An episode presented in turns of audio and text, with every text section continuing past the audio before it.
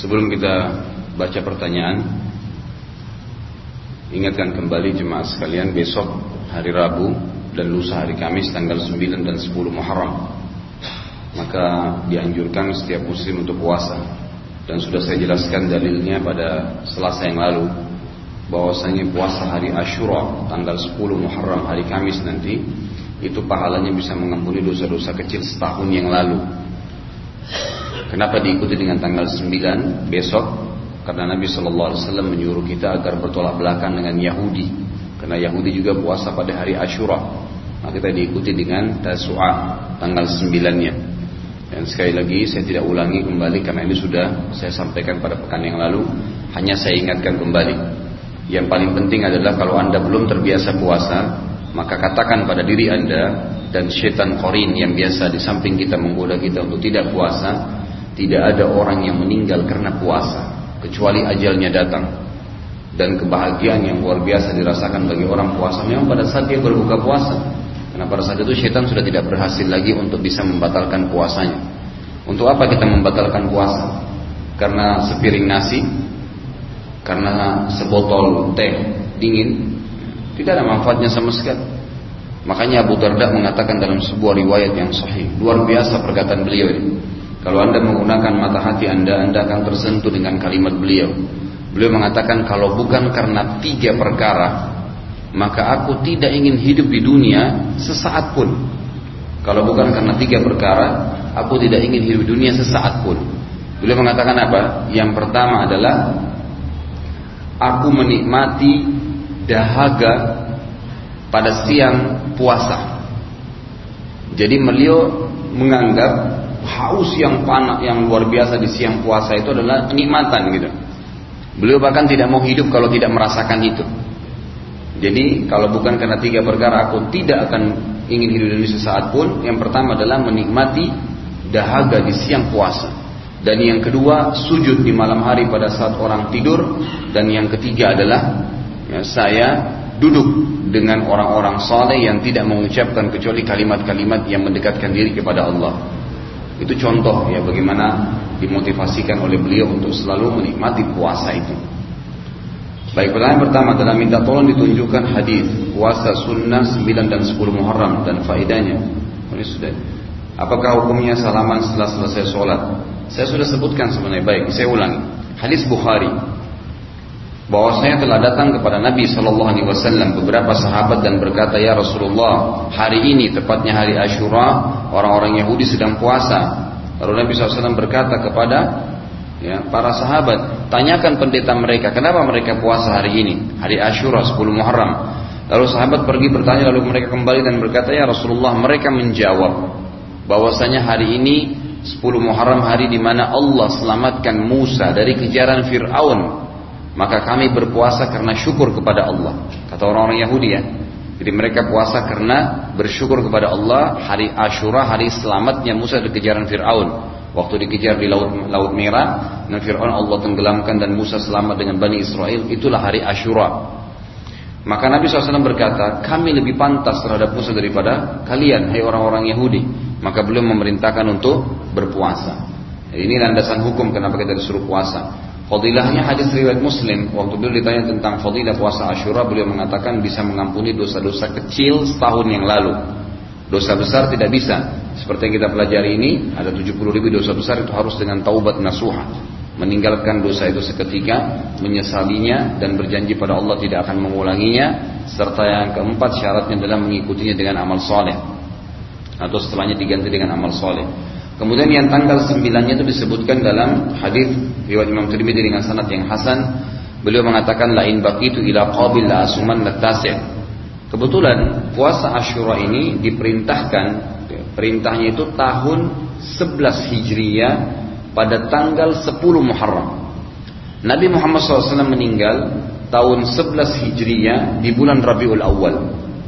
Jadi memang hadis ini disebutkan oleh Nabi SAW tentang puasa Ashura dua bulan sebelum beliau meninggal. Maka beliau mengatakan kalau saya masih hidup tahun depan, saya akan ikutkan puasa Ashura 10 dengan puasa Tasu'a 9-nya. Dengan 9-nya. Gitu kan? Jadi kita disuruh puasa ini agar tidak sama dengan Yahudi. Karena sampai hari ini di Israel orang-orang Yahudi pun masih puasa. Ini hadisnya. Pertanyaan kedua, apakah hukumnya salaman setelah selesai sholat? Kalau niatnya salaman itu karena paket, artinya sesuatu yang harus dilakukan setelah sholat, maka nggak boleh masuk dalam kategori perbuatan bid'ah. Kenapa? Karena Nabi SAW tidak pernah dinukil dalam riwayat apa pun begitu pula sahabat yang salaman sengaja setelah sholat, gitu kan? Tapi kalau anda salaman dengan teman anda di sebelah, tidak ada hubungannya dengan paket sholat. Memang sama salaman kebetulan karena sudah anda ketemu selesai pikir anda salaman itu nggak ada masalah. Tapi kalau dirutinkan ini jadi tanda tanya. Dan tidak ada satupun ulama hadis yang membolehkan itu. Ini kan tradisi kita di Indonesia. Nah kita sebagian jangan salaman karena tidak memang mesti di sini bukan salamannya jadi masalah ya, tapi menghubungkannya dengan sholat lima waktu. Karena kalau kita hubungkan satu perbuatan dengan ibadah tertentu, ini membutuhkan dalil atau menghubungkan antara ibadah satu dengan ibadah yang lainnya membutuhkan dalil harus ada tuntunannya. Membaca Al-Quran ibadah, ziarah kuburan ibadah. Kalau anda mau gabung baca Quran di kuburan harus butuh dalil yang ketiga. Ada nggak Nabi SAW pernah ajarkan Quran dibaca di kuburan? Kan gitu. Baru bisa dikerjain. Walaupun tadinya Quran ibadah. Ziarah kubur ibadah. Ternyata ulama hadis bilang tidak pernah ada satupun riwayat menceritakan Nabi SAW membaca Al-Quran di kuburan. Maka tidak boleh membaca Al-Quran di kuburan. Baca Al-Quran ibadah, tapi tepat tempatkan pada tempatnya, gitu loh. Jangan salah. Salah tempat berarti salah. Sama halnya orang kalau sholat duhur, tapi jam 10 pagi belum masuk waktunya. Sholat duhurnya kan memang ada perintahnya, tapi dia salah tempat, salah waktu, nggak diterima, gitu kan? Nggak diterima. Maka harus sesuai, kan gitu, harus sesuai. Jadi ibadah itu harus sesuai dengan tuntunan Nabi Sallallahu Alaihi Wasallam. Nah salamannya tidak masalah, karena memang hadis tentang salaman banyak sekali fadilahnya ya. Banyak sekali hadis sahih di antaranya adalah hadis sahih riwayat kalau salah riwayat Bukhari Muslim hadis ini bunyinya Nabi SAW mengatakan tidak ada dua orang Muslim yang bersalaman kemudian mereka melepaskan tangannya kecuali dosa keduanya berguguran. Nah kita dianjurkan kita bersalaman, nggak ada masalah, gitu kan? Salaman, tapi salaman ini umum, jangan dihubungkan dengan ibadah khusus. Kayak tadi misalnya kita di Indonesia ini memang sudah paket tuh, salam salaman dulu baru zikir. Seakan-akan memang satu keharusan gitu kan. Atau misalnya selesai zikir pun berdiri kemudian salaman. Ditambah lagi sambil baca salawat. Nah ini kan jadi tanda tanya. Baca salawat ibadah. Tapi benar nggak setelah sholat Nabi pernah baca salawat sambil keliling kemudian Nabi tuntun dan sahabat salaman? Tidak pernah. Lalu kenapa anda kerjakan? Kan itu. Kita ingat, saya sudah sering ulangi kalimat ini. Guru kita dan kiai kita hanya satu orang, Muhammad sallallahu alaihi wasallam. Apa yang beliau contohkan kerjakan yang tidak dicontohkan jangan berani buat karena Allah tidak mau terima kecuali yang dituntunkan oleh Rasulnya, utusannya Muhammad sallallahu alaihi wasallam. Jadi nggak boleh. Harus murni ibadahnya baru bisa. Harus murni ibadahnya baru bisa. Assalamualaikum warahmatullahi wabarakatuh. Waalaikumsalam. Ustaz saya ingin bertanya bagaimana dengan KPK yang melakukan penyadapan saluran telepon terhadap orang-orang yang diduga korupsi. Kalau memang mereka ditugaskan oleh pemerintah, KPK kan ditugaskan oleh pemerintah. Beda, wali amr punya tugas, punya punya wewenang. Sama misalnya saya kasih contoh lebih ringkas begini. Kalau saya ayah di rumah sebagai suami, sebagai ayah, Tugas saya, kata Nabi SAW, semua kalian pemimpin dan bertanggung jawab terhadap apa ya yang dipimpinnya. Seorang pemimpin negara bertanggung jawab terhadap masyarakatnya, ya kan, ketentramannya, keamanannya, semua.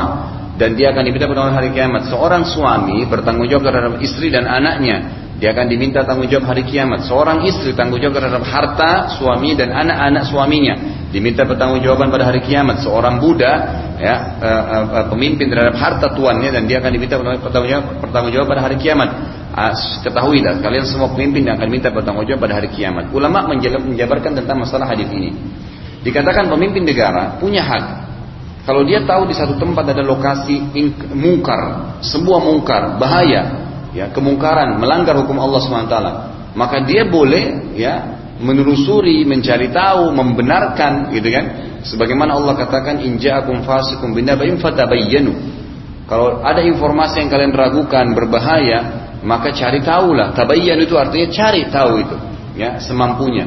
Jadi kalau memang mereka menyadar dan memang sifatnya itu adalah apa, perintah dari pemerintah maka tidak ada masalah. Sama halnya ulama bilang kalau seorang ayah anaknya dia dia curiga berbuat zina atau berbuat hal-hal yang tidak baik.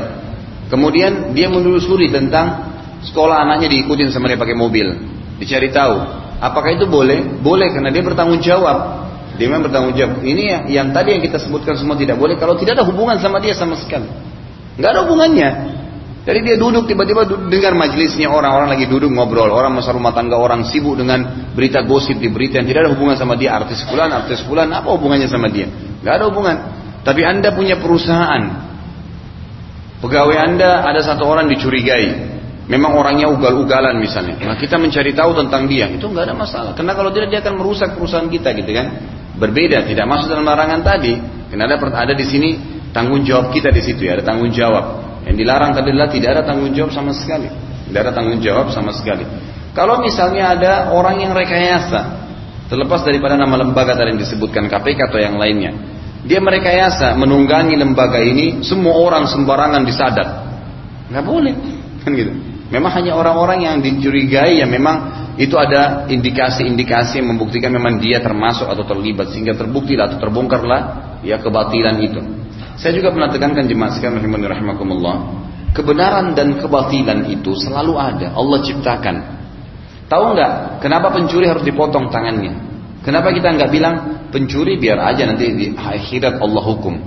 Kenapa Allah suruh hukum di dunia? Gitu kan? Kenapa orang salah disuruh ingatkan? Unsur akhaka zaliman atau madluman. Tolonglah saudaramu dalam keadaan dia berbuat zalim atau dia terzalimi. Sahabat berkata ya Rasulullah kalau dia terzalimi masuk akal saya bantu, saya tolong dia. Tapi kalau orang berbuat zalim, kata bagaimana caranya? Kata Nabi SAW engkau luruskan kesalahannya.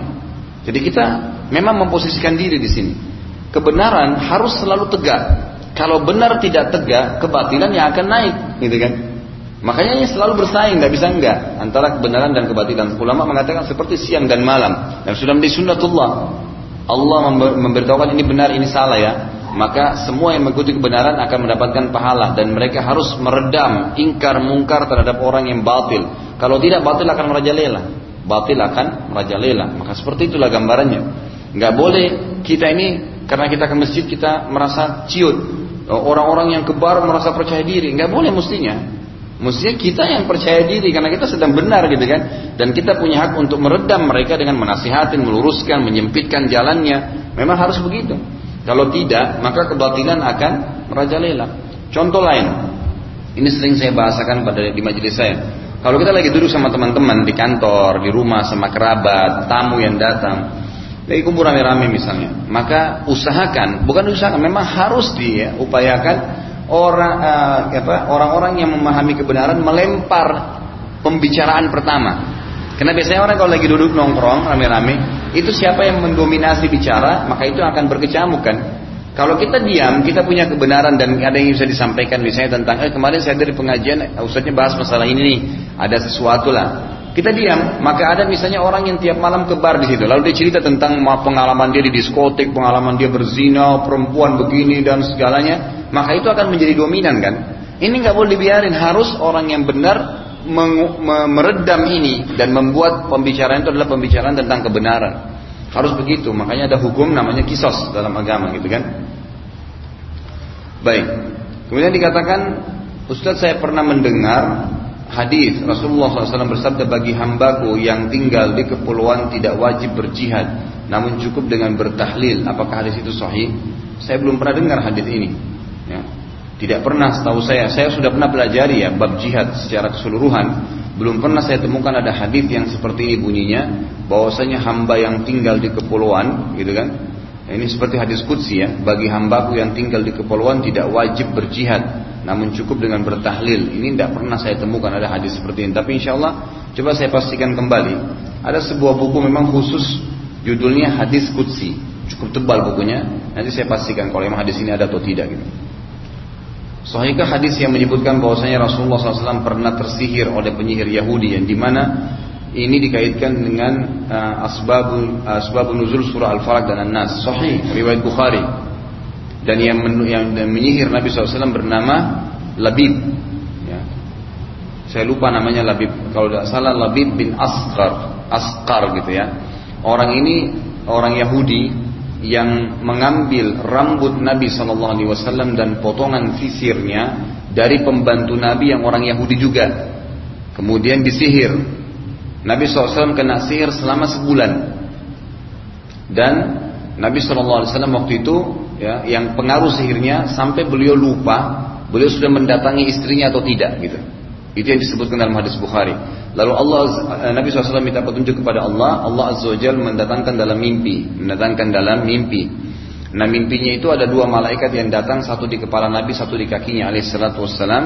Kemudian yang di kepala mengatakan kenapa orang ini yang di kaki berkata orang ini kena sihir. Siapa yang menyihirnya? Lalu dikatakan Labib bin A'sam. Maaf namanya Labib bin A'sam yang menyihir Nabi SAW. Nah orang ini Eh, kemudian malaikat yang di kakinya mengatakan lebih bin Asam. Apa yang disihir? Ya, oleh malaikat di kepala mengatakan, malaikat di kaki menjawab lagi, rambutnya dan potongan sisinya diambil. Lalu yang di kepala bertanya lagi, di mana ditaruh? Ya. Lalu dikatakan, ditaruh di sebuah sumur di sukunya orang Yahudi itu. Ya, saya sekarang tidak terlintas nama sukunya ya. Tapi itu eh, apa namanya ditaruh di sana. Lalu Nabi SAW bangun, kemudian beliau mengajak Ali dan Zubair ke sumur tersebut, lalu ditemukanlah ada pelapa kurma yang dililit rambut Nabi SAW dengan potongan sisir tersebut yang sudah dimantra, kemudian dilepaskan oleh Nabi SAW, dimusnahkan, kemudian ditutup sumur itu. Ada riwayat lain yang menjelaskan Nabi SAW didatangi oleh Jibril dan dirukia oleh Jibril, dirukia oleh Jibril yang turun. Uh, ini adalah sebab hadis yang menyebutkan Jibril berkata kepada Nabi SAW, Bismillahi arkika min kulli syari yu'zika Allah. Aku merukiamu. Rukia itu dibacaan ayat-ayat Quran kepada orang yang sedang tertimpa sakit, terutama sihir, racun, kena mata panas, gitu kan.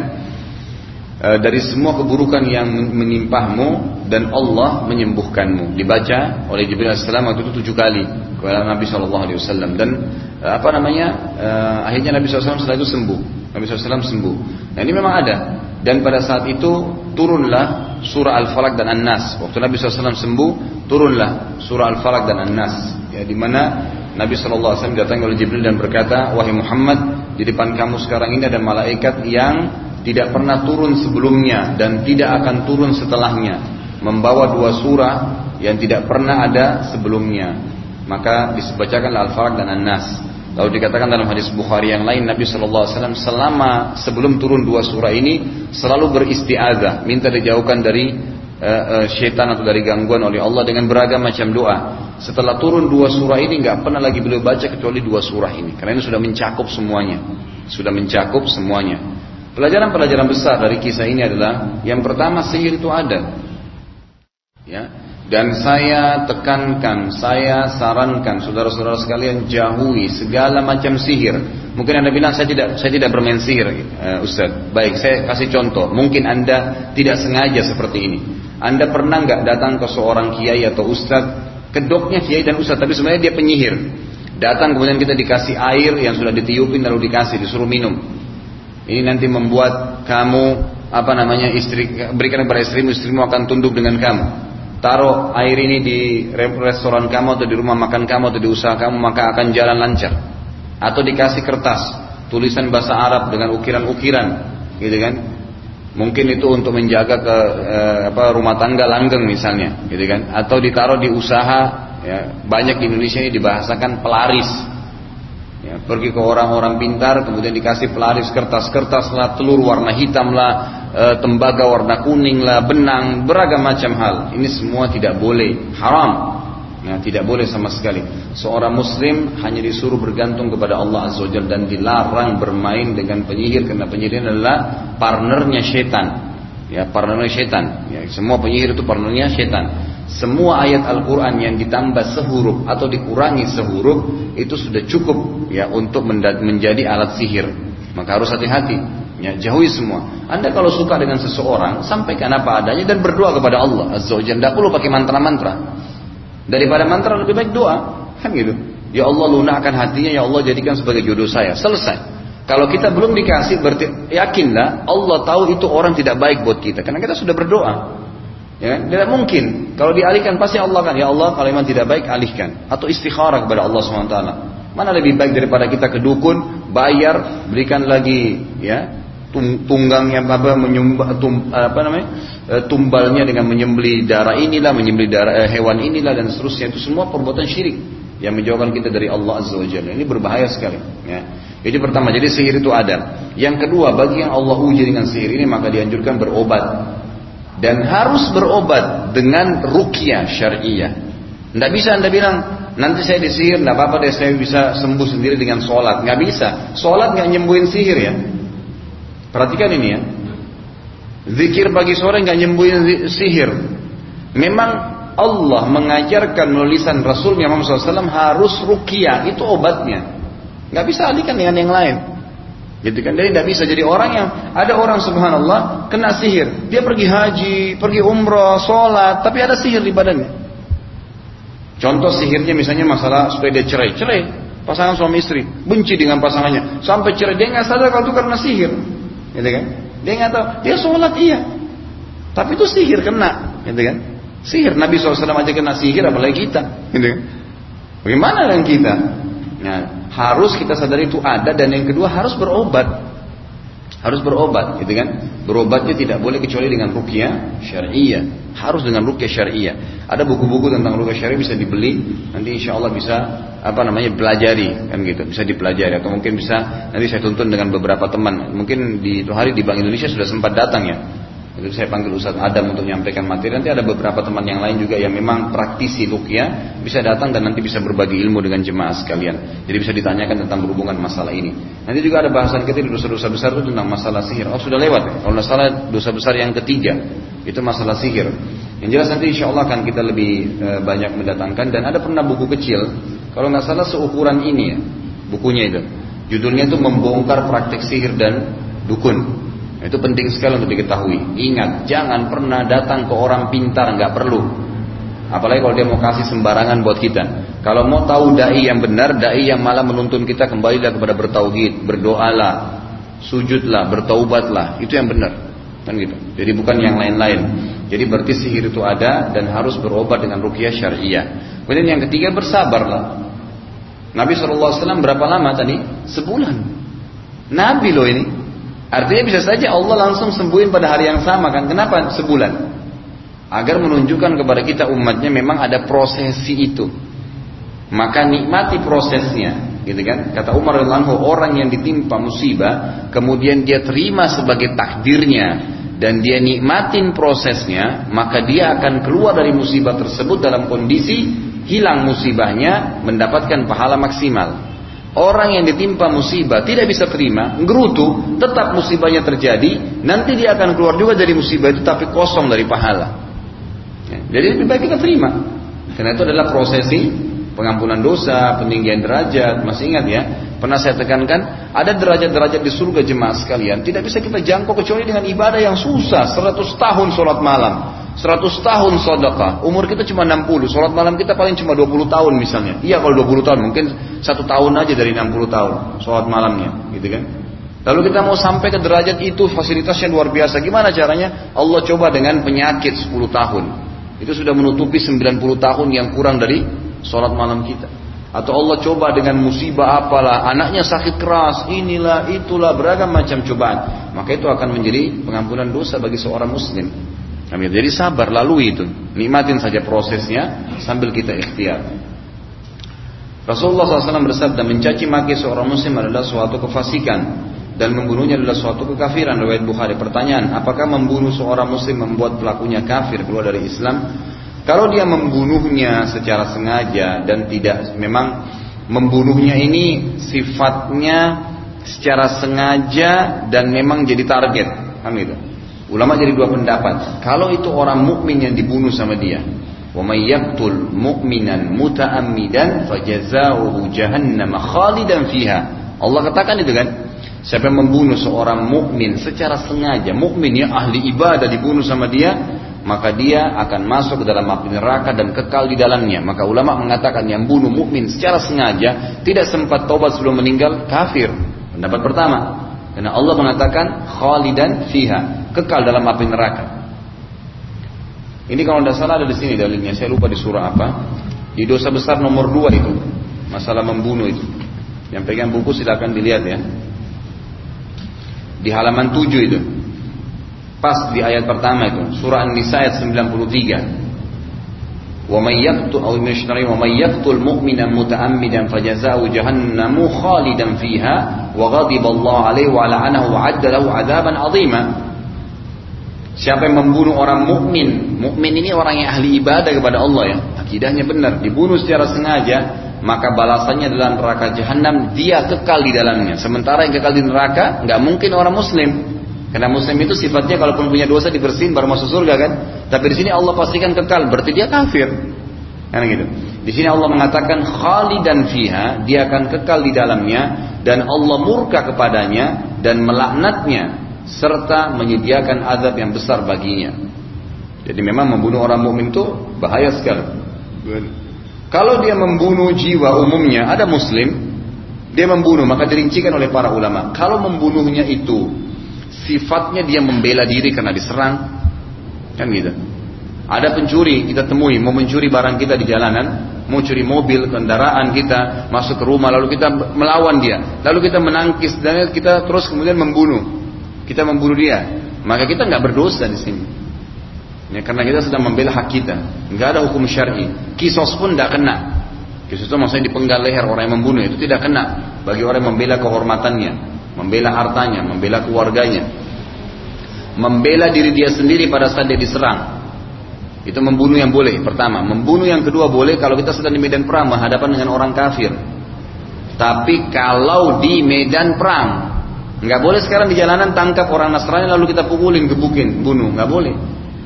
Jadi kan itu dilarang dalam agama. Karena kata Nabi Wasallam, ya, siapa yang membunuh muahid, ya, membunuh orang kafir yang dibawa naungan pemerintah Islam, lam yarih raihatal jannah wa in yarihaha ya la tajidu min masirta arba'ina ama.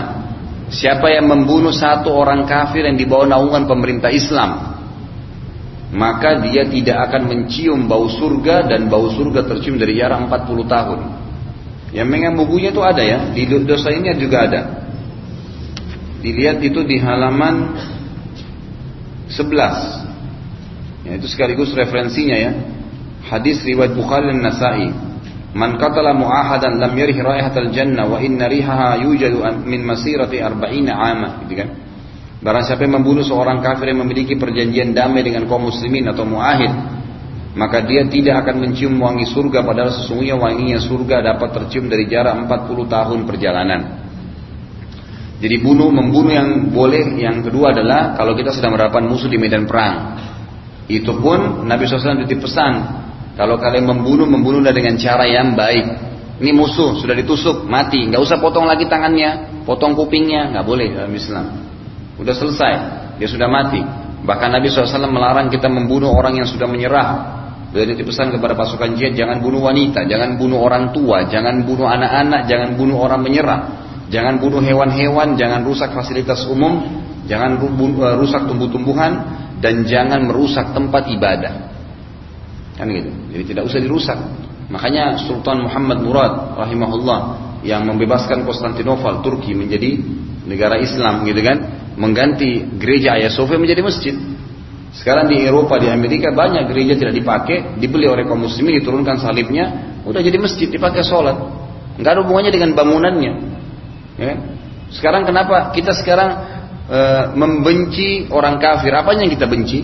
Sifat kekufurannya, bukan individunya ya. Bukan individunya. Pada saat kita perangi, kita perangi kekufurannya, bukan dianya. Makanya setelah dia tinggalkan kekufuran, selesai. Nggak ada lagi masalah dengan dia. Gitu kan? Nggak ada lagi masalah. Itu membunuh yang dibolehkan. Kan gitu. Jadi membunuh membela diri atau membunuh di medan perang. Gitu kan? Baik. Atau membunuh yang ketiga yang dibolehkan kalau dia ditugaskan oleh pemerintah untuk menjalankan kisos atau pemerintah sendiri yang menjalankan itu. Seperti misalnya dalam Islam kan kalau orang membunuh dibunuh ya. Kalau terbukti indikasinya dia membunuh maka dia dibunuh juga. Pemerintah Islam yang tentukan itu. Maka algojo yang menjalankan eksekusi itu nggak berdosa karena dia menjalankan tugas pemerintah. Gitu. Nah ini yang dibolehkan. Baik, yang tidak boleh selain daripada ini membunuh. Termasuk tidak boleh membunuh orang kafir tadi ya, yang tidak ada hubungannya dengan masalah perang atau tidak ada hubungannya dengan masalah dia menyerang kita.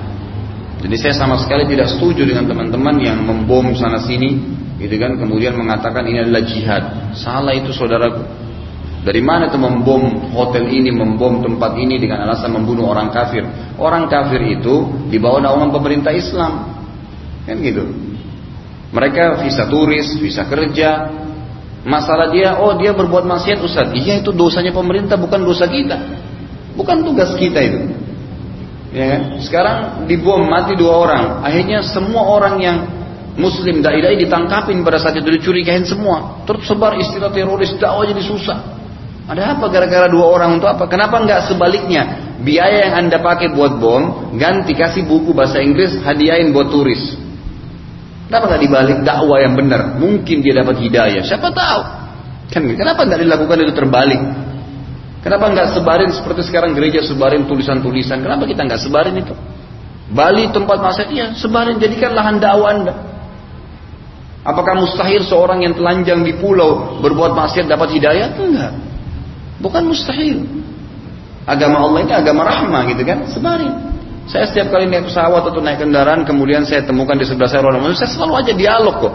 Memang awalnya persepsi tentang Islam negatif, tapi lama-lama setelah dia ungkapkan undang-undangnya semua tentang Islam, lalu saya bilang, itu pendapat anda ya, tapi saya Muslim, mohon maaf, bisa saya jelasin agama saya? Oh silakan pak, lalu saya jelasin tentang Islam.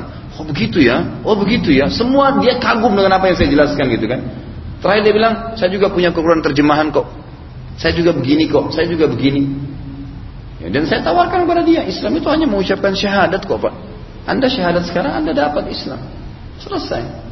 Syahadu la ilallah, syahadu Rasulullah, sudah muslim. Yang lainnya nanti nyusul. Sholatnya nanti dituntun mu'allaf kan. Jangan begitu baru masuk Islam kasih kitab, suruh baca. Susah nanti, kan gitu. Jadi seperti itu gambarnya, nggak boleh sembarangan gitu kan. Ubah itu, sifat-sifat yang keras ini ubah. Nggak boleh. Dalam Islam itu boleh tegas, tapi tidak boleh keras. Perhatikan ya, tegas boleh. Ini boleh, ini nggak boleh. Itu tegas. Tapi nggak boleh keras. Nggak boleh dalam Islam tidak ada kekerasan tadi sudah dikatakan gitu kan. Bukan orang mukmin itu bukan bazi. Bazi itu orang yang keras, kata-katanya keras, perilakunya keras, nggak baik, gitu kan. Tapi tegas, ini nggak boleh. Maaf, saya nggak bisa karena agama saya larang. Iya. Oh kamu orang kafir nggak boleh gini. Itu lain, itu keras. Beda keras dengan tegas, gitu kan. Saya kalau lagi ada pertemuan dengan orang-orang yang berhubungan dengan bisnis, kemudian orang-orang muslim, berapa kali datang bertemu dengan saya, pada saat lagi sholat saya bilang maaf ini waktu sholat saya mau sholat. Oh sangat mereka hormatin sekali kok. Gitu kan? Tunjukkan prinsip kita. Kita tegas dalam hal perintah agama, tapi kita santun, bukan kerasnya. Gitu. Itu gambarannya. Nah, kalau ada orang tadi pertanyaan kembali, orang membunuh orang mukmin, maka pendapat pertama mengatakan hukumnya dia kafir. Karena Allah mengatakan tadi dalam surah Nisa 93 tadi, khalidan fiha. Pendapat kedua mengatakan tidak kekal di neraka. Enggak kekal di neraka karena memang masih ada hadis yang berbunyi siapa yang di dalam hatinya gitu kan ada la ilaha illallah sebesar biji atom maka dia akan dikeluarkan dari api neraka. Dikeluarkan dari api neraka gitu kan? Maka kemungkinan besar adalah dia dimasukkan dalam api neraka disiksa nanti akan dikeluarkan. Ini khilaf di antara mereka. Khilaf di antara ya para ulama. Apakah ia menjara hartanya dan menjatuhkan martabat harga diri juga dapat membuat pelakunya kafir. Berdasarkan hadis tiga hal yang tidak boleh dilakukan terhadap muslim lainnya. Tidak kafir. Tapi dia berdosa besar. Kita Allah seorang muslim menipu muslim yang lain. Apakah dia kafir? Enggak. Dia berdosa besar. Tapi dosa besar ini jangan dianggap kecil ya. Berat itu. Kata ulama satu dosa kecil sudah cukup pembersihannya membuat seorang muslim sakit berapa bulan? Cukup. Apalagi kalau dosa besar dilakukan gitu. Karena semua konsekuensi pelanggaran yang pernah kita lakukan ya pelanggaran kita lakukan akan ada konsekuensinya. Akan ada konsekuensinya gitu kan. Jadi kita pernah maksiat nih lalu kita taubat. Apakah selesai? Terima taubat tidak? Akan ada cobaannya tuh. Kita sakit kah? Mungkin kita pernah caci maki orang kita dicaci maki orang setelah kita taubat kita pernah gibah orang, kita juga digibah. Ya sabar. Itu balasan dari dulu kita lakukan untuk membersihkan dosa kita. Jadi kalau orang berbuat 70 orang yang pernah dicaci maki, ya sabar. Mungkin 70 kali anda dicaci maki nanti gak apa-apa. Pembersihan dosa. Apalagi kalau orang buat dosa yang luar biasa menjarah hartanya orang ini itu segala karena itu kan ada dosa-dosa yang berhubungan dengan haknya Allah saja, ada yang berhubungan dengan haknya Allah dan hak adami, haknya anak Adam. Seperti misalnya kalau kita berzina lah kata Allah. Atau orang tidak sholat. Tidak jalanin perintah-perintah Allah. Tidak sholat, tidak puasa, tidak haji. Kan gitu. Dia dosa, tapi kalau dia taubat kepada Allah, Allah terima selesai urusannya. Tinggal dia perbaiki dengan amal ibadah. Dia kerjakan apa yang ketinggalan kan. Tapi kalau berhubungan dengan hak manusia seperti mencuri, menggibah, memfitnah, menghardik, mencela tadi kan gitu. Semua ini tidak dicukup. Kata ulama kalau mencuri, pencuri ingin bertobat, dia wajib bertobat kepada Allah dan meminta maaf dan mengembalikan haknya orang yang pernah dicuri barangnya.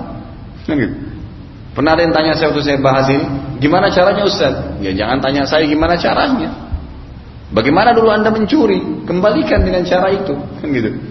Orangnya sudah tidak ada, coba cari tahu, informasikan, gitu kan? Ajak dia berbicara empat mata, saya sudah tobat masuk, saya pernah melakukan seperti ini dan ini saya kembalikan. Supaya betul-betul dia ridho, kalau enggak maka ada hubungannya kita dengan hisab pada hari kiamat. Konsekuensi dari perbuatan harus ada, kita harus tahu itu. Nggak bisa kita berbuat mukul orang, kemudian kita mau dia diam, nggak bisa. Akan ada konsekuensi, respon, kan gitu.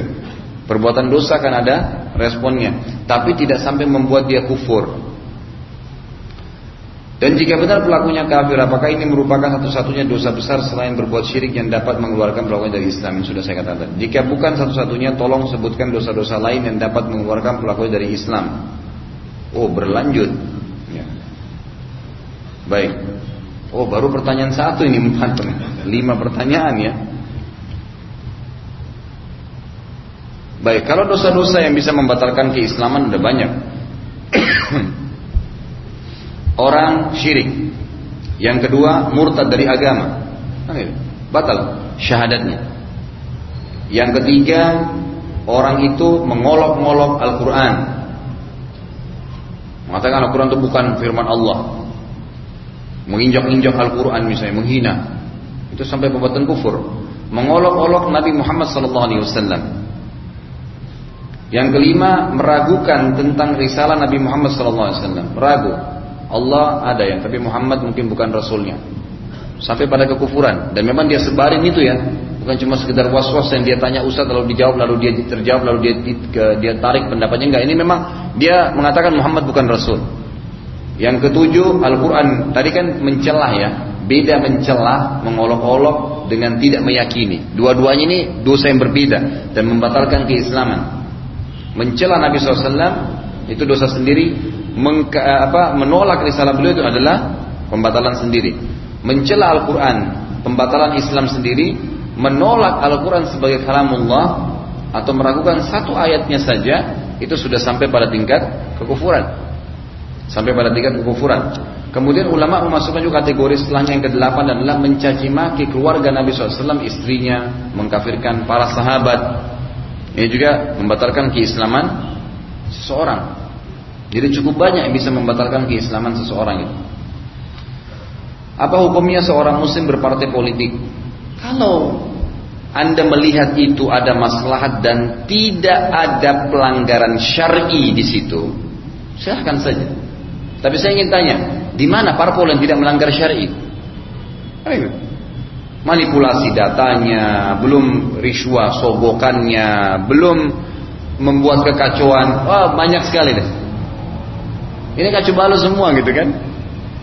Allahu alam. Kalau saya sendiri, saya tidak saya tidak mengatakan muslim tidak boleh berbuat bukan. Silakan kalau emang ada yang bersih, murni, nggak berhubungan dengan pelanggaran agama, silakan. Kalau anda pastikan. Tapi kalau berhubungan dengan pelanggaran agama untuk apa? Gitu. Kalau kita tidak berpolitik, kenapa sih? Oh nanti pak orang non muslim yang akan menang. Hmm. Kita tidak yakin dengan kekuatan Allah Taala. Dan lihat bagaimana Nabi Shallallahu Alaihi Wasallam membangun pemerintahan Islam. Tahu nggak bagaimana? Sangat sederhana. Bagaimana kerajaan Islam berdiri di Madinah dan Nabi menjadi raja di Madinah, penentu keputusan dan menjadi nabi. Hanya dengan halaqah ilmu. Hanya dengan begini majelis ilmu. Yang datang pedagang, yang datang uh, ini, yang datang guru, yang datang murid, yang datang suami, istri, orang tua datang semua. Lalu disampaikan tentang hukum Allah, mereka terapkan masing-masing dalam hidupnya. Sudah cukup itu. Tidak perlu kita berbaur kepada hal yang haram gitu kan. Bahaya sekali itu kalau kita berbaur pada hal yang haram itu. Nah, ini berbahaya. Sampai saya temukan teman-teman saya dari partai-partai Islam pun waktu pertama mau masuk ke anggota dewan, uh semangat. Begitu masuk pun saya tanya, gimana akhi? Nah, apa hasilnya setelah masuk anggota dewan? Kan dia lihat saya leluasa kan, saya buka usaha, kemudian saya ceramah bisa. Dia udah nggak bisa setelah masuk ke partai politik, sudah masuk anggota dewan sudah nggak bisa, sibuk dengan rapat ini, rapat itu dan seterusnya. Belum nanti kalau suaranya dia sendiri, yang lainnya suaranya banyak ditolak juga, gitu kan? Jadi panjang lebar ceritanya gitu. Lalu dia bilang, wah memang lebih enak dulu. Malah lebih enak dulu sebelumnya enak berdakwah, menyampaikan kepada umat, kan gitu. Alhamdulillah saya punya pengajian di Mahkamah Agung pun berjalan pada saat setiap Rabu kedua dan Rabu ketiga, eh Rabu pertama, Rabu ketiga itu, yang hadir banyak sekali tuh hakim-hakim yang hadir pejabat-pejabat. Saya ceramain tentang masalah agama, bagaimana saya sadarkan dia punya Tuhan Allah dan hanya Allah yang pantas untuk ditakutin. Kapan dia curang akan dihukum oleh Allah. Selesai. Begitu bubar, Ustaz memang masalah tauhid ini penting sekali ya. Jadi dia pulang itu, dia pak bawa ilmu kampanye lagi nanti, wah panjang lebar gitu. Tetangga saya ada satu dari dia calon wakil bupati, calon ya, calon wakil bupati di salah satu kota lah di Jawa Timur gitu. Tangga saya lalu saya tanya, Pak, waktu itu kebetulan dia ikut kampanye, gagal. Habis kalau nggak salah ya dia bahasakan ke saya itu sekitar 10 miliar kan. Kampanye 10 miliar ini bayangkan kalau kita bangun masjid, bangun madrasah, tempat tahfidz Quran, itu habis cuma beli baju, sogok siapa, buat brosur-brosur, 10 miliar untuk apa gitu. Saya tanya, Pak mohon maaf saya ingin tanya, kenapa ya banyak pejabat-pejabat kita ini begitu sudah naik, lima tahun menjabat, ya mulai dari presiden, ya anggota dewan, ya menteri, ya siapa sajalah.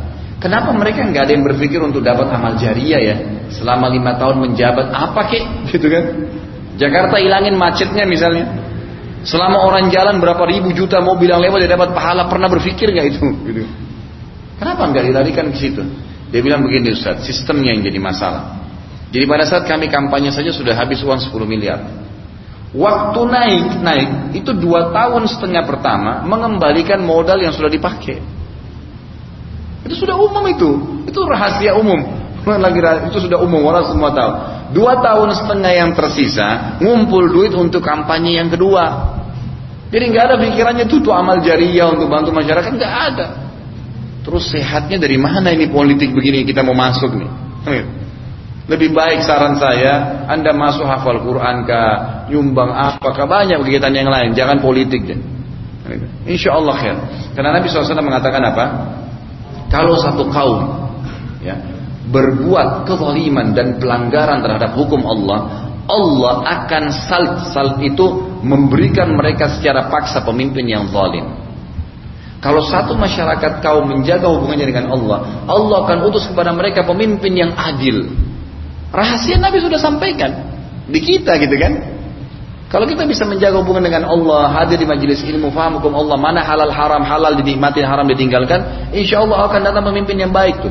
Bukan kita sibuk jeblos yang mana, gitu kan? Sebenarnya bukan itu konsepnya. Ada agama tapi saya kita tinggalin konsep agama. Baik. Selanjutnya dikatakan apa hukum seorang muslim ini masih sama menjeblos untuk pemilihan presiden dan sejenisnya. Kalau anda lihat presiden itu layak untuk didukung, silahkan. Memang dia orang yang baik, soleh. Ingat ya, syarat pemimpin dalam Islam ada syaratnya, Muslim. Yang kedua, mengenal hukum-hukum Allah, mana halal, mana haram. Syarat yang kedua. Yang ketiga, memang dia sifat kepemimpinan ada pada dirinya, karakternya. Bukan hanya karena kekayaannya sehingga dia bisa naik, enggak. Memang dia layak untuk memimpin memang, punya karakter itu. Gitu kan? Sehingga dia menjalankan ada tugasnya. Kalau ini ada tiga, jeblos saja. Kalau enggak ada untuk apa? Oh ternyata dia zalim, kita ikut-ikutan jeblos, nanti dia zalim, kita andil dong. Ini bukan saya larang anda jeblos ya tidak, tapi posisikan diri anda kita punya tanggung jawab pada hari kiamat. Jangan sampai salah gitu. Kalau hal di atas dilarang, pertanyaan saya selanjutnya bagaimana kita dapat memiliki pemimpin yang amanah, yang faham Quran Sunnah seperti para ulama. Sudah saya katakan, kita harus memperbaiki diri kita sebagai masyarakat. Ya. Bukankah lebih baik ulama yang menjadi pemimpin? Mengapa kita tidak mengusung ulama untuk jadi presiden? Bagus sekali kalau ada yang bisa mengusung ulama. Luar biasa. Abu Bakar itu dipilih oleh para sahabat tahu kenapa? Menjadi khalifah setelah Nabi SAW. Karena ilmunya dianggap dia layak orang yang paling faham apa yang Nabi SAW sampaikan dari ilmu Allah. Abu Bakar waktu mau meninggal menulis surat menyuruh Umar yang jadi pemimpin karena Abu, Umar, Abu Bakar mengatakan saya telah memilih kalian untuk kalian pemimpin yang saya tahu paling faham tentang hukum Allah. Memang selalu hukumnya Allah didahulukan. Karena kapan dia tahu dia punya Tuhan, Allah Azza dia merasa terkontrol, terawasi, kan gitu. Dia akan tinggalkan semua yang tidak baik. Bukankah kita sudah sepakati bahwasanya agama ini selalu menyuruh kebaikan? Iya kan? Allah menyuruh kita jujur, amanah, kan bijaksana, apalagi ya segalanya. Dan kita dilarang yang buruk-buruk, nggak boleh curang, nggak boleh khianati orang, nggak boleh mencaci maki, nggak boleh ini, nggak boleh itu. Jadi kalau kita ngikuti agama Allah ini jadi orang baik, jadi orang baik gitu kan. Anda pernah mendengar hadis tentang apa ini? Hifil Quran di hari kiamat, hafid Quran di hari kiamat bisa memberi syafaat, masuk boleh ke surga. Biidnillah. Apa hadis semacam ini sahihkah? Jadi e, kalau secara khusus hafid Quran memberikan syafaat, saya belum pernah tahu ada hadisnya. Tapi secara umum dia masuk ke kategori orang beriman karena ada juga orang hafid Quran tidak masuk surga. Dia hafid Quran tapi ahli maksiat. Ada pernah orang banyak orang begitu. Hafid Quran tapi dia berbuat maksiat juga. Pernah hafid Quran waktu dia masa muda, masa tuanya masuk tadi masuk politik lah, masuk inilah berbuat kezaliman banyak, masuk neraka dulu. Mau berikan syafaat seperti apa gitu. Tapi hadis secara khusus mengatakan Al-Quran akan memberikan syafaat itu saya tidak pernah tahu kalau secara khusus ya. Tapi secara umum lafaz hadis menyebutkan semua orang mukmin yang sudah selamat dari hisab dia, dia punya hak memberikan syafaat. Kecuali tadi yang kita sebutkan ya, orang yang menguping omongan orang lain tidak bisa memberikan syafaat. Ketika kita menjadi broker, menemukan pembeli dan penjual sehingga kita mendapatkan komisi darinya. Ternyata setelah berjalan kita tahu bahwasanya pembayaran si pembeli dengan menggunakan letter of credit. Apakah komisi yang kita dapat itu halal ya atau itu hutang bank? Kalau awalnya kita tidak tahu dan memang kita murni tidak berhubungan apakah dia pakai bank atau tidak. Murni kita ini rumah mau dijual ya, ini pembelinya, ini penjualnya. Kalau mereka ketemu, kemudian kita dapat komisi, kita nggak ada hubungan dengan dia bayar dari mana. Karena kita targetnya adalah rumah itu. Targetnya adalah rumah itu. Jadi tidak ada hubungannya, tidak ada sama sekali. Kecuali kita menjadi penyebab. Udah ini rumah ambil aja, nanti melalui bank ini ada kenalan saya. Nah, penyebab. Maka itu jelas kan gitu ada andil. Tapi kalau enggak, enggak ada hubungannya insya Allah. Mohon nasihat dan masukan ketika bayi lahir perlukah diimunisasi? Adakah sunnah Rasulullah SAW yang dapat kita lakukan dan berikan kepada si bayi sebagai pengganti imunisasi? Allahu alam ya. Sekarang teman-teman masih banyak berselisih tentang masalah ini. Apakah itu memang boleh atau tidak? Kalau saya pribadi menyarankan, menyarankan ya. Kalau memang ada teman-teman yang faham tentang bidang ini dan mereka bisa meneliti lebih baik, benar nggak bahan-bahan dasarnya itu adalah haram? Karena saya dapatkan di majalah Bekam, teman-teman yang terbitin itu saya baca memang di situ ada beberapa pakar dokter pun yang memang mengatakan bahan-bahan dasarnya memang haram, banyak yang haram, gitu kan? Ya menggunakan beragam macam barang memang yang haram dalam Islam, kan? Terlebih lagi mereka mengatakan sebenarnya imunisasi tidak dibutuhkan oleh anak-anak. Kenapa? Karena imunisasi itu adalah kumpulan bakteri-bakteri, gitu kan? Yang bahasa medisnya disterilkan, kemudian disuntikkan ke bayi untuk memaksa kekebalan tubuhnya muncul. Nah sementara Allah sudah ciptakan sudah ada kekebalan tubuh. Bagaimana caranya bayi masih sehat disuntik bakteri masuk ke tubuhnya? Secara akal sehat bagaimana bisa gitu? Lalu ada indikasi yang disebutkan oleh mereka Allah alam tentang kebenaran. Tapi kalau ini benar ini memang Islam harus tinggalkan. Mereka mengatakan memang tidak lepas juga ini dari transaksi obat-obatan itu yang memang dibuat oleh perusahaan-perusahaan besar agar itu, itu mendunia menjadi program pemerintah jadi laku. Mereka jadi untung. Kan gitu. Dibuatlah penyakit ini nama tertentu dilempar di masyarakat lalu dikeluarin obatnya sudah permainan gitu kan dan itu banyak sekali terjadi Alhamdulillah dalam Islam kita ini orang mukmin kepada Allah yang menciptakan penyakit itu Allah yang menciptakan kita Allah yang menciptakan kesembuhannya siapa Allah bukan perusahaan yang buat obatnya Nabi SAW mengatakan apa? Makanya itu pentingnya majelis ilmu seperti ini kita terbentuk menjadi orang yang kenal Tuhan Allah. Gak perlu bergantung sama siapa pun gitu.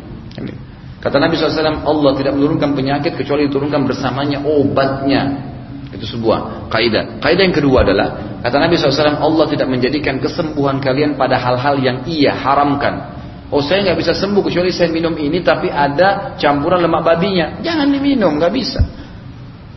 Kalau Allah nggak mau anda sembuh, tidak akan sembuh. Memang itu haram. Allah tidak jadikan kesembuhan di hal-hal yang diharamkan. Ya, sehingga saya pernah bilang ya, Ingat teman-teman sekalian kalau anda beli obat di dok, di apotek pun obat yang kecil, obat penyak, obat batuk, obat demam, jangan yang beralkohol. Alkohol haram. Nabi SAW mengatakan ma'askara kathiruhu faqalilu haram. Yang kalau dikonsumsi banyak memabukkan sedikitnya haram, nggak boleh. Oh cuma 0,5 persen. Subhanallah. Nggak boleh. Gimana caranya? Kalau dikonsumsi banyak memabukkan maka sedikitnya haram. Nggak boleh. Jadi jangan sampai itu kan. Kalau kalau apa ajaran Nabi SAW ya kita lihat Nabi SAW mengakukan untuk bayi itu yang paling pertama adalah tahnik. Ya, tahnik itu mengunyahkan kurma yang sampai halus dalam menempelkan di langit-langitnya. Sebagian ulama menjelaskan masalah ini mengatakan ini adalah untuk membangun kekebalan tubuhnya. Karena kurma itu kan baik memang. Ya, nutrisi yang paling baik buat tubuh. Bukankah Nabi SAW mengatakan dalam hadis Sahih riwayat Imam Ahmad, sebaik-baik makanan sahur buat orang yang puasa adalah kurma. Jadi itu sudah cukup buat dia tahan sampai buka puasa. Dan sebaik-baik makanan buat buka puasa adalah kurma. Jelas gitu. Anak bayi tahnik dimakankan kurma, ditengkelkan di langit-langitnya. Berapa hari bebas, silahkan yang penting semenjak dia lahir. Halus sekali, orang tuanya punya kemudian ditempelkan di langit-langitnya. Kalau di zaman Nabi SAW mereka memang membawa bayinya ke Nabi SAW dan Nabi yang punyahkan. Seperti terjadi kepada Abdullah bin Zubair radhiallahu anhu. Ya beliau ditempelkan langsung oleh Nabi SAW di langit-langitnya. Ya kan? Kemudian Nabi SAW menghubungkan juga tidak langsung kepada dia tapi wa aku anhul adha. Jadi kata Nabi SAW jatuhkanlah ya tali pusarnya yang masih bergantung bekas plasenta. Tumpahkanlah darah untuknya sembelih kambing pada saat akikah hari ke-7, 14 atau 21 Kemudian berikanlah nama yang baik. Ini kan perintah Nabi SAW semua ya. Nah kalau umumnya sih tadi yang diberikan pada saat lahir ya kalau sama suntikan imunisasi kalau ini memang kurma dikonsumsikan buat mereka. Kemudian juga adanya ASI. Allah mengatakan liman orang yang timar robaah bagi orang yang menyempurnakan e, menyusui sampai 2 tahun. Susu itu dianjurkan untuk diberikan langsung. Maka ada juga jenis kekebalan tubuh yang alami gitu kan. Mohon tips dan nasihat dalam mendidik dan membesarkan anak. Pertama, yakinilah bahwasanya anak itu titipan dari Allah Subhanahu wa. Itu dulu. Anak adalah titipan dari Allah. Pernah nggak kita milih, saya nggak mau anak saya begini alisnya dan matanya? Nggak bisa. Memang sudah begitu bentuknya Allah kasih. Titipan dari Allah. Kalau kita tahu itu titipan dan kita kalau menjalankan tugas atau perintah Allah di anak itu kita akan panen pahala. Jadi kan dia adalah sumber amal jariah kita. Sekarang kita sadar atau tidak sadar, Orang tua kita sedang panen pahala. Saya ceramah di sini sekarang, ayah saya dan ibu saya panen pahala. Kenapa begitu? Karena saya tumbuh badan saya ini dari susu ibu saya, dari hasil nafkah ayah saya. Saya bisa jalan karena dituntun oleh mereka. Saya bisa ngomong, mereka yang tuntun. Mereka ajarkan mana baik, mana buruk. Anak itu amal jari yang luar biasa. Maka jangan pernah jenuh. Memang ada saatnya mereka rewel, mungkin sakit, mungkin ada saatnya nikmatin saja prosesnya. Gitu kan? Didik mereka. Dan Ali radhiallahu sudah mengatakan didik anak kalian dengan tujuh kali tiga, tujuh tahun pertama lembut, lemah lembut, nggak boleh dengan kekerasan, sama sekali nggak boleh ada kekerasan, kan gitu. Lemah lembut. Bahkan Nabi SAW pada saat Hasan dan Husain naik di punggung beliau beliau lagi sujud, itu sahabat-sahabat sampai bingung ada apa dengan Nabi kok sujudnya lama gitu. Mungkin Nabi mati, sahabat ada yang mengira Nabi SAW mati gitu dalam hadis ini. Ternyata Nabi itu angkat kepala kemudian salam setelah salam sahabat baru lihat ternyata di pundak Nabi ada Hasan dan Husain lagi main. Nabi nggak mau pindahkan mereka sampai selesai itu di bawah, tujuh tahun. Jadi tujuh tahun pertama itu dengan kelemah lembutan. Ingatkan kalau anak kita naik pohon, apa yang kita ucapkan? Anak saya pintar naik pohon, pasti pintar turun. Dia akan turun. Oh kamu anak nakal, kenapa naik ini? Tanpa nggak mau turun bisa jatuh. Nanti kalau sudah turun baru dinasihatin baik-baik. Tujuh tahun kedua, isi hidupnya dengan ketegasan, bukan kekerasan. Ini boleh, ini nggak boleh. Dari 7 tahun sampai 14. Bangun apa prinsip dalam hidupnya ini boleh ini nggak boleh. Ini nggak boleh nah, ini haram. Allah haram. Ini boleh. Makanya kata Nabi SAW apa? Ajarkan anak kalian sholat di umur 7 tahun. Kan gitu. Dan pukullah mereka di umur 10 tahun. Serta pisahkan mereka di ranjang. 7 sampai 14 tahun ketegasan. Mana yang halal, mana yang haram. 7 tahun ketiga dari 14 sampai 21 ajak bermusyawarah. Apa pun yang kita mau lakukan ajak bermusyawarah. Misal saya mau beli mobil dengan istri saya atau mau beli sesuatu lalu anak kita sudah mencapai umur 15 tahun.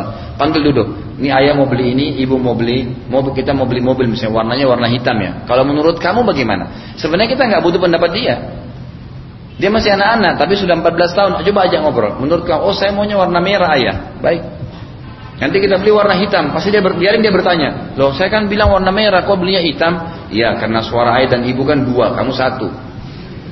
Kasih penjelasan. Biarin dia biasa terlibat.